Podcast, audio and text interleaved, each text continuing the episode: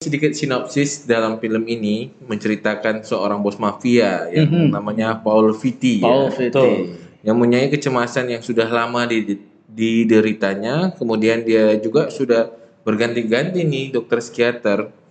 Dan pada akhirnya dia menemukan eh, psikiater yang cocok sama dia yaitu dokter Sobel. Pemirsa yang di rumah tentang mengurangi bagaimana mengurangi kecemasan mungkin. Silakan dari Bang Bayu Untuk mengurangi kecemasan tentunya kita perlu teman bercerita ya. Jadi anggap aja seperti masalah itu seperti sampah. Kalau kita simpan sampah di ruangan kita ini satu nggak kelihatan, tapi kalau udah terlalu banyak pasti mengganggu ya semaknya. Makanya caranya kita buang. Kita buangin sampah-sampah itu sama bercerita. Mungkin dengan orang terdekat, tentu yang dipercaya ya. Kalau misalnya memang tidak ada, coba ke eh, terapis ya, ke psikolog, ke Hmm. Psikiater, Hmm. dokter yang bisa dipercaya, profesional lah seperti itu. Jangan malu. Hmm. Dari Bang Hasbi ini mungkin ada tambahan? Ya, eh, mungkin selain tambahan dari Bang Bayu, mungkin ya kita sebagai umat yang beragama ya mungkin bisa juga dengan cara berdoa, kan eh, apa yang bisa Ustadz secara, sekali. Beda. secara positif Ustadz lah ya, beda. secara positif lah ya Iya. kan. Nah, jadi kita juga lebih merasa lebih tentram kali ya Benar. gitu kan. Atau juga kayak tadi eh, apa pengembangan dari kata Bang Bayu eh, di saat pemikiran kita negatif mungkin kita kita perlu pinjem otak teman yang pemikirannya positif gitu ya Hmm. supaya kita dapat hal-hal yang positif juga karena kita tadi kan kita pemikiran negatif muter-muter di situ aja gitu kan sedangkan kawan yang punya pikiran positif ya kita bisa dapat dampaknya positif tadi untuk kita gitu sih menurut Assalamualaikum, salam sejahtera, salam sehat jiwa. Bersama saya, Saifudin Nasution di acara Seksi Ansetas PP PDS KJI. Dan telah hadir di tengah-tengah saya ini. Eh, sudah lama ya Bang, kita nggak jumpa ya Bang? Oh, Sudah lama lama kali ya. Kayaknya baru satu jam yang lalu. iya iya iya Ya, di depan saya ini ada Dr. Bayu Aryatama, Magister Kedokteran, Spesialis Kedokteran Jiwa, dan di dekat saya ini adalah Dr. Muhammad Hasbi, Magister Kedokteran, Spesialis Kedokteran Jiwa. Dan ini Bang, menarik sekali ini eh, untuk tema kita hari ini adalah mengangkat suatu film yang di mana ada serial ini sih. Sebenarnya bukan serial ya, lanjutan. Serial itu yang kayak apa Koko Crunch itu ya. Oh iya, yang makan tiap hari ya. bahan gandum itu ya Betul. Dia mengangkat suatu film eh, analisis this dan analisis that.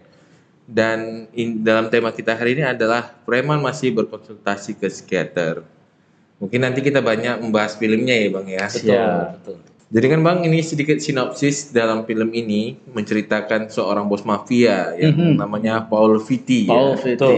yang mempunyai kecemasan yang sudah lama di- dideritanya, kemudian dia juga sudah berganti-ganti nih dokter psikiater, dan pada akhirnya dia menemukan eh, psikiater yang cocok sama dia yaitu dokter Sobel. Oh, bukan dokter Asbi ya? Enggak, Belum mungkin itu. nanti next time-nya kali Jadi, dokter nanti Asbi kalau ya. jumpa bisa konsulta- konsultasi ya. konsultasi ya.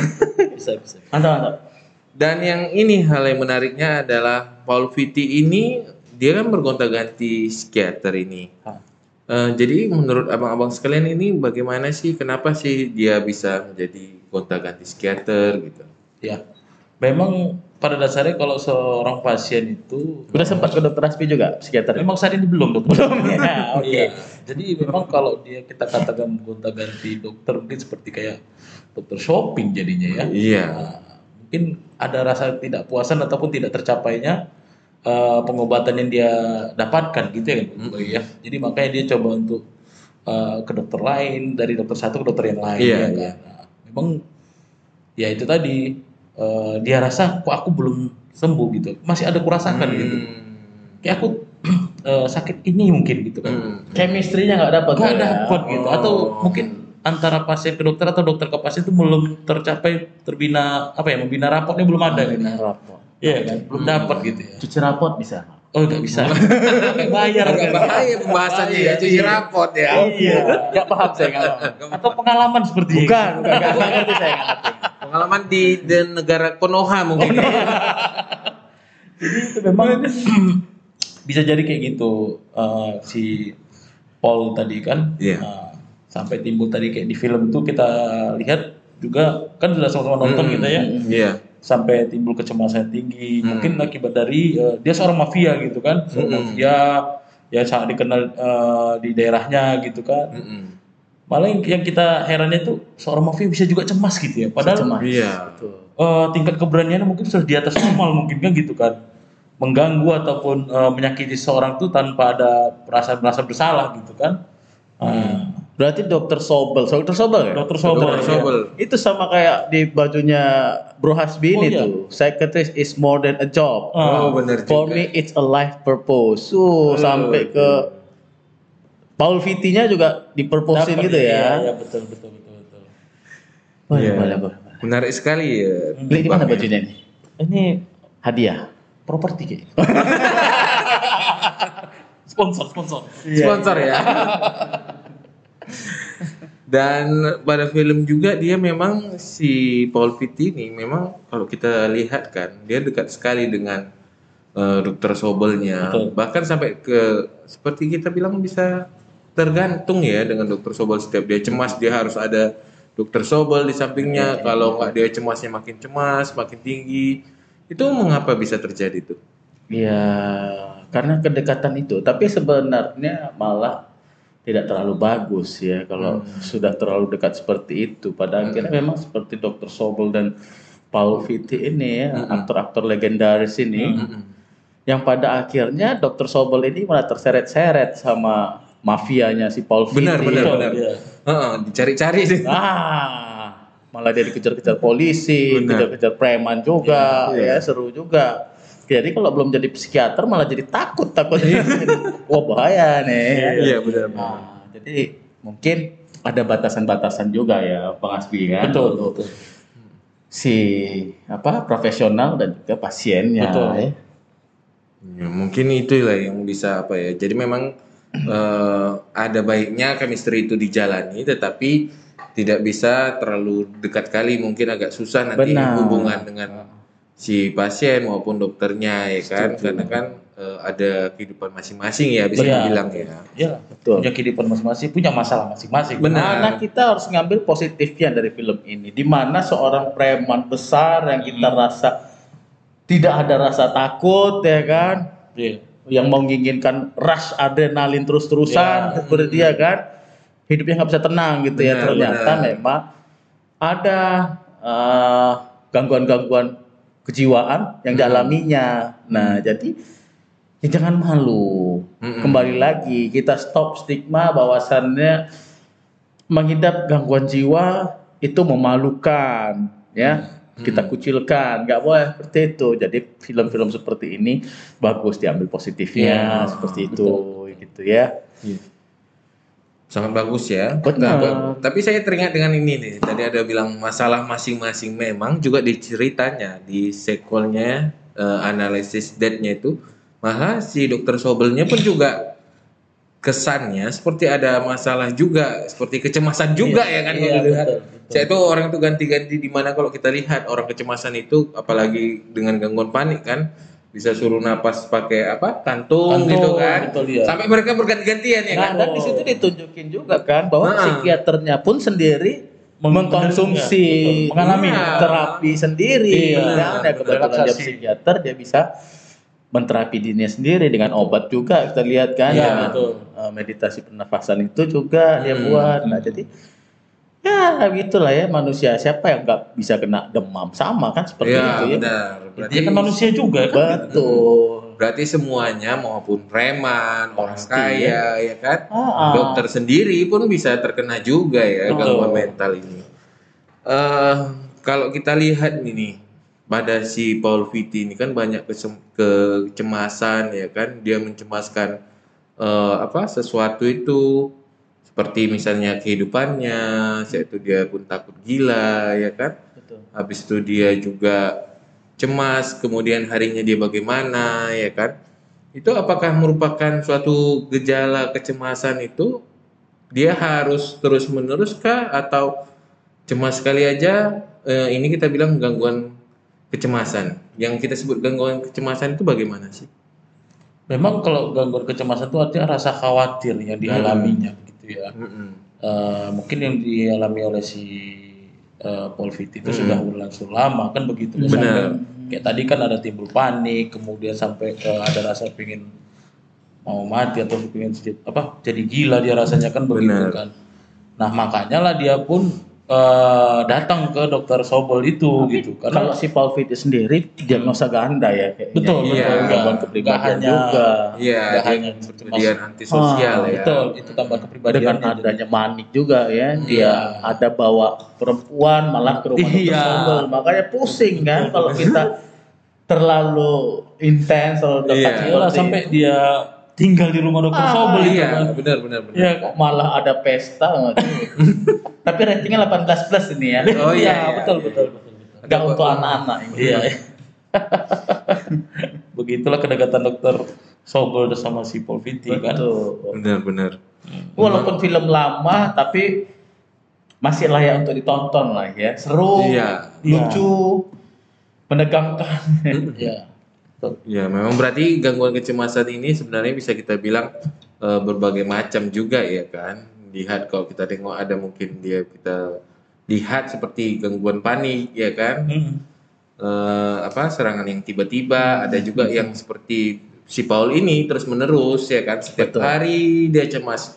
Mungkin lamanya bisa lebih dari setahun mungkin ya, enam Betul. bulan di atas enam Ya, bulan dan- ya kan. ya kayak seperti di film ini juga Hmm. diceritakan bagaimana eh, kecemasan-kecemasan itu bisa terjadi mau Hmm. dari Paul Fitty-nya juga dokter Sobelnya Dokter Sobel. ternyata ada problematika yang belum terselesaikan Iya, Iya, benar, ya benar. kan dengan orang tuanya Betul. nah jadi di situ dia juga diceritakan kalau kita perhatikan benar-benar oh, Hmm. ternyata ada sesuatu yang buat dia jadi seperti itu gitu ya Iya, menarik sekali ya. menarik lah seru Mm. Apalagi makanya judulnya juga analisis ya Iya. Iya, benar. Benar sekali. Kalau kita lihat juga eh, di akhir-akhir ya kan, di akhir-akhir film itu memang baik pun Dokter Sobel maupun si apa Paul Fitty. Paul Fitty sudah menyadari kenapa awal eh, permulaannya juga ya kan, kenapa dia menjadi cemas awalnya, kenapa dia jadi preman. Kalau kita lihat eh, si Paul Fitty-nya berkuda ya dengan ayahnya, Betul, ya kan? Iya. Nah, terus si Sobelnya juga mereka melihat satu dengan yang lainnya. Ini mungkin tidak yang tadi kalau kita bilang pun hubungan terlalu dekat itu pun nggak baik juga ya kan. Tetapi eh, keterbukaan antara pasien dan dokter itu apakah sangat penting kalau kita lihat ini kan karena keterbukaan masing-masing nih di antara si Paul dan Sobel ini eh, dalam film ini ya. Mungkin Betul. dari Bang Asmi Ya, jadi kalau untuk masalah cerita sharing jadinya kan Ah, kita ah, lihat di ah. scene itu mereka ada seperti berbicara lah ya kan uh, Mm-mm. si Paul Fitty sama Dr. Sobel bahasa itu uh, bukan hanya kamu saja yang punya masalah gitu, saya juga punya kan begitu kan. Jadi itu memang uh, dari punya masalah masing-masing terjadi di- dipertemukan di satu scene ataupun satu Mm-mm. pertemuan itu uh, mereka punya masalah masing-masing tadi kan gitu kan. Nah, memang eh, dia itu eh, apa namanya membina raport juga artinya gini Hmm. si Paul Fitty mau meng- meng-share masalah dia masalah tuh seperti ini loh gitu kan gitu kan Hmm. nah kalau sudah dia share semua tanpa harus ditutup-tutupi makanya bisa eh, dapatlah goalnya itu tentang penyakitnya Mm-mm. arahnya ke mana kemudian masalah terapi juga kan gitu kan dan tanpa kita eh, pungkiri juga pelan-pelan si dokter Sobel juga ya eh, sharing terapi artinya eh, bercerita lah gitu. apa Iya. eh, untuk mendapatkan solusi harus seperti apa kamu nanti kan begitu Mm-mm. Ya supaya dapat bondingnya Iya. jadi kalau udah ada kepercayaan Hmm. trust ya nah itu barulah bisa terbuka jadi memang ya awal-awal pasien tidak ingin menceritakan atau tidak nyaman sama terapisnya itu hal yang wajar Hmm, ya. Kak? jadi untuk keluarganya juga baru pertama kali datang jangan mengharapkan untuk si keluarganya ini untuk menceritakan masalahnya terbuka Hmm. kan tidak segampang itu Hmm. kita harus buat trust dulu Iya. bonding yang baik Iya. sehingga si pasien ini itu si klien ini itu bisa percaya dulu sama terapisnya yakin dulu Benar, benar. baru dia bisa bercerita Iya, panjang lebar tentu dengan perbaikin zat-zat kimia yang ada di otaknya dulu ya neurotransmitter Hmm, iya. diperbaikin dulu Hmm. gitu barulah bisa dia terbuka dia Hmm. nyaman nggak bisa kita sekarang saya tanya dokter Udin kan dokter Udin waktu kecil kayak mana ada trauma apa Hmm. kan nggak nyaman ya saya Iya, rasa iya. seperti itu kan jadi memang ya di film itu itu tuh analisnya kita juga harus lihat kayak Iya. mana ini kan nggak sehari Betul. berhari-hari kan Mm-mm. kenapa sampai si Paul Vitti ini berubah-ubah psikiater Hmm. ya kan begitu juga dokter Sobel juga awalnya kan dia masih ngancam-ngancam Iya benar benar. Benar. kan? Masih ngancam-ngancam. nah, Hmm. syukurnya hebat sih dokter Sobel karena tadi dia bilang for me it's a life purpose Hmm. Nah, itu dia jadi jad- jadilah psikiater yang benar-benar life purpose tadi ya kan Bang Asbi ya Biasa baju Bang Asbi pinjam nanti Fotokopi nggak bisa fotokopi. Oh jangan. Oh jangan. Susah ya nyarinya ya. Susah. setahun sekali jualnya tuh ya. Tadi menarik sekali ya. Mungkin eh, kalau kita lihat juga dari filmnya ini, selain dia mengkonsumsi obat-obatan, memang dia juga melakukan seperti psikoterapi juga ya. Kayak misalnya tadi eh, apa eh, dengan melatih pernapasan dan mungkin eh, yang kita lihat bahwa sebenarnya kepercayaan antara satu eh, pasien dengan dokternya itu sangat penting sekali. Pasti. ya. Betul. Mm-mm. Memang lihat dokter Sobel ini pun kuat terhadap edukasi ya. Iya, itulah Edukasi. perlunya edukasi Betul. ya selain Jadi, obat ya. ah, Setelah si Paul Vitti eh, bercerita dengan dokter Sobel, dia kasih edukasi-edukasi kan Hmm. gitu kan yang jadi membuat si Paul Vitti merasa nyaman gitu Iya, terhadap kondisi dia. Ya, terima kasih abang-abang sekalian. Oke. Mungkin ada saran-saran atau masukan untuk eh, pemirsa yang di rumah tentang mengurangi bagaimana mengurangi kecemasan mungkin. Silakan dari Bang Bayu. Untuk mengurangi kecemasan tentunya kita perlu teman bercerita ya. Jadi anggap aja seperti masalah itu seperti sampah. Kalau kita simpan sampah di ruangan kita ini satu nggak kelihatan, tapi kalau udah terlalu banyak pasti mengganggu ya semaknya. Makanya caranya kita buang, kita buangin sampah-sampah itu sama bercerita. Mungkin dengan orang terdekat, tentu yang dipercaya ya. Kalau misalnya memang tidak ada, coba ke eh, terapis ya, ke psikolog, ke Hmm. eh, psikiater, Hmm. dokter yang bisa dipercaya, profesional lah seperti itu. Jangan malu. Hmm. Dari Bang Hasbi ini mungkin ada tambahan? Ya, eh, mungkin selain tambahan dari Bang Bayu, mungkin ya kita sebagai umat yang beragama ya mungkin bisa juga dengan cara berdoa, Masya Allah. kan, gitu kan. Nah, apa yang bisa Ustadz secara, sekali. Beda, secara positif Ustadz lah ya, beda. secara positif lah ya kan. Nah, jadi kita juga lebih merasa lebih tentram kali ya kan gitu kan. Atau juga kayak tadi eh, apa pengembangan dari kata Bang Bayu eh, di saat pemikiran kita negatif mungkin kita kita perlu pinjem otak teman yang pemikirannya positif gitu ya Hmm. supaya kita dapat hal-hal yang positif juga karena kita tadi kan kita pemikiran negatif muter-muter di situ aja gitu kan sedangkan kawan yang punya pikiran positif ya kita bisa dapat dampaknya positif tadi untuk kita gitu sih saya Oke, terima terima kasih. Sampai salah ngomong ini ya kan.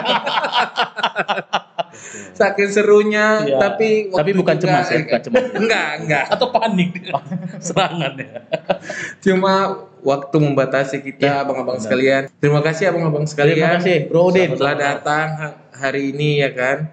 Eh, mungkin untuk teman-teman sekalian yang ada di rumah ingin berjumpa Bang Bayu bisa di Nah, mana? Bang? saya di Pematang Siantar di Rumah Sakit Umum Jasa Mensaragi. Terus kalau di Medan ada di Klinik Utama Binatma di studionya seksi ansietas ini ya. Nah, kalau dari Bang Hasbi mungkin Ya, gimana Bang? eh, kalau mau ingin berkonsultasi atau berobat bisa jumpai saya di Klinik Utama Binatma di Jalan Osokro Minoto nomor 122. Oh, sama kita Hafal ya, hafal. Pak Direktur.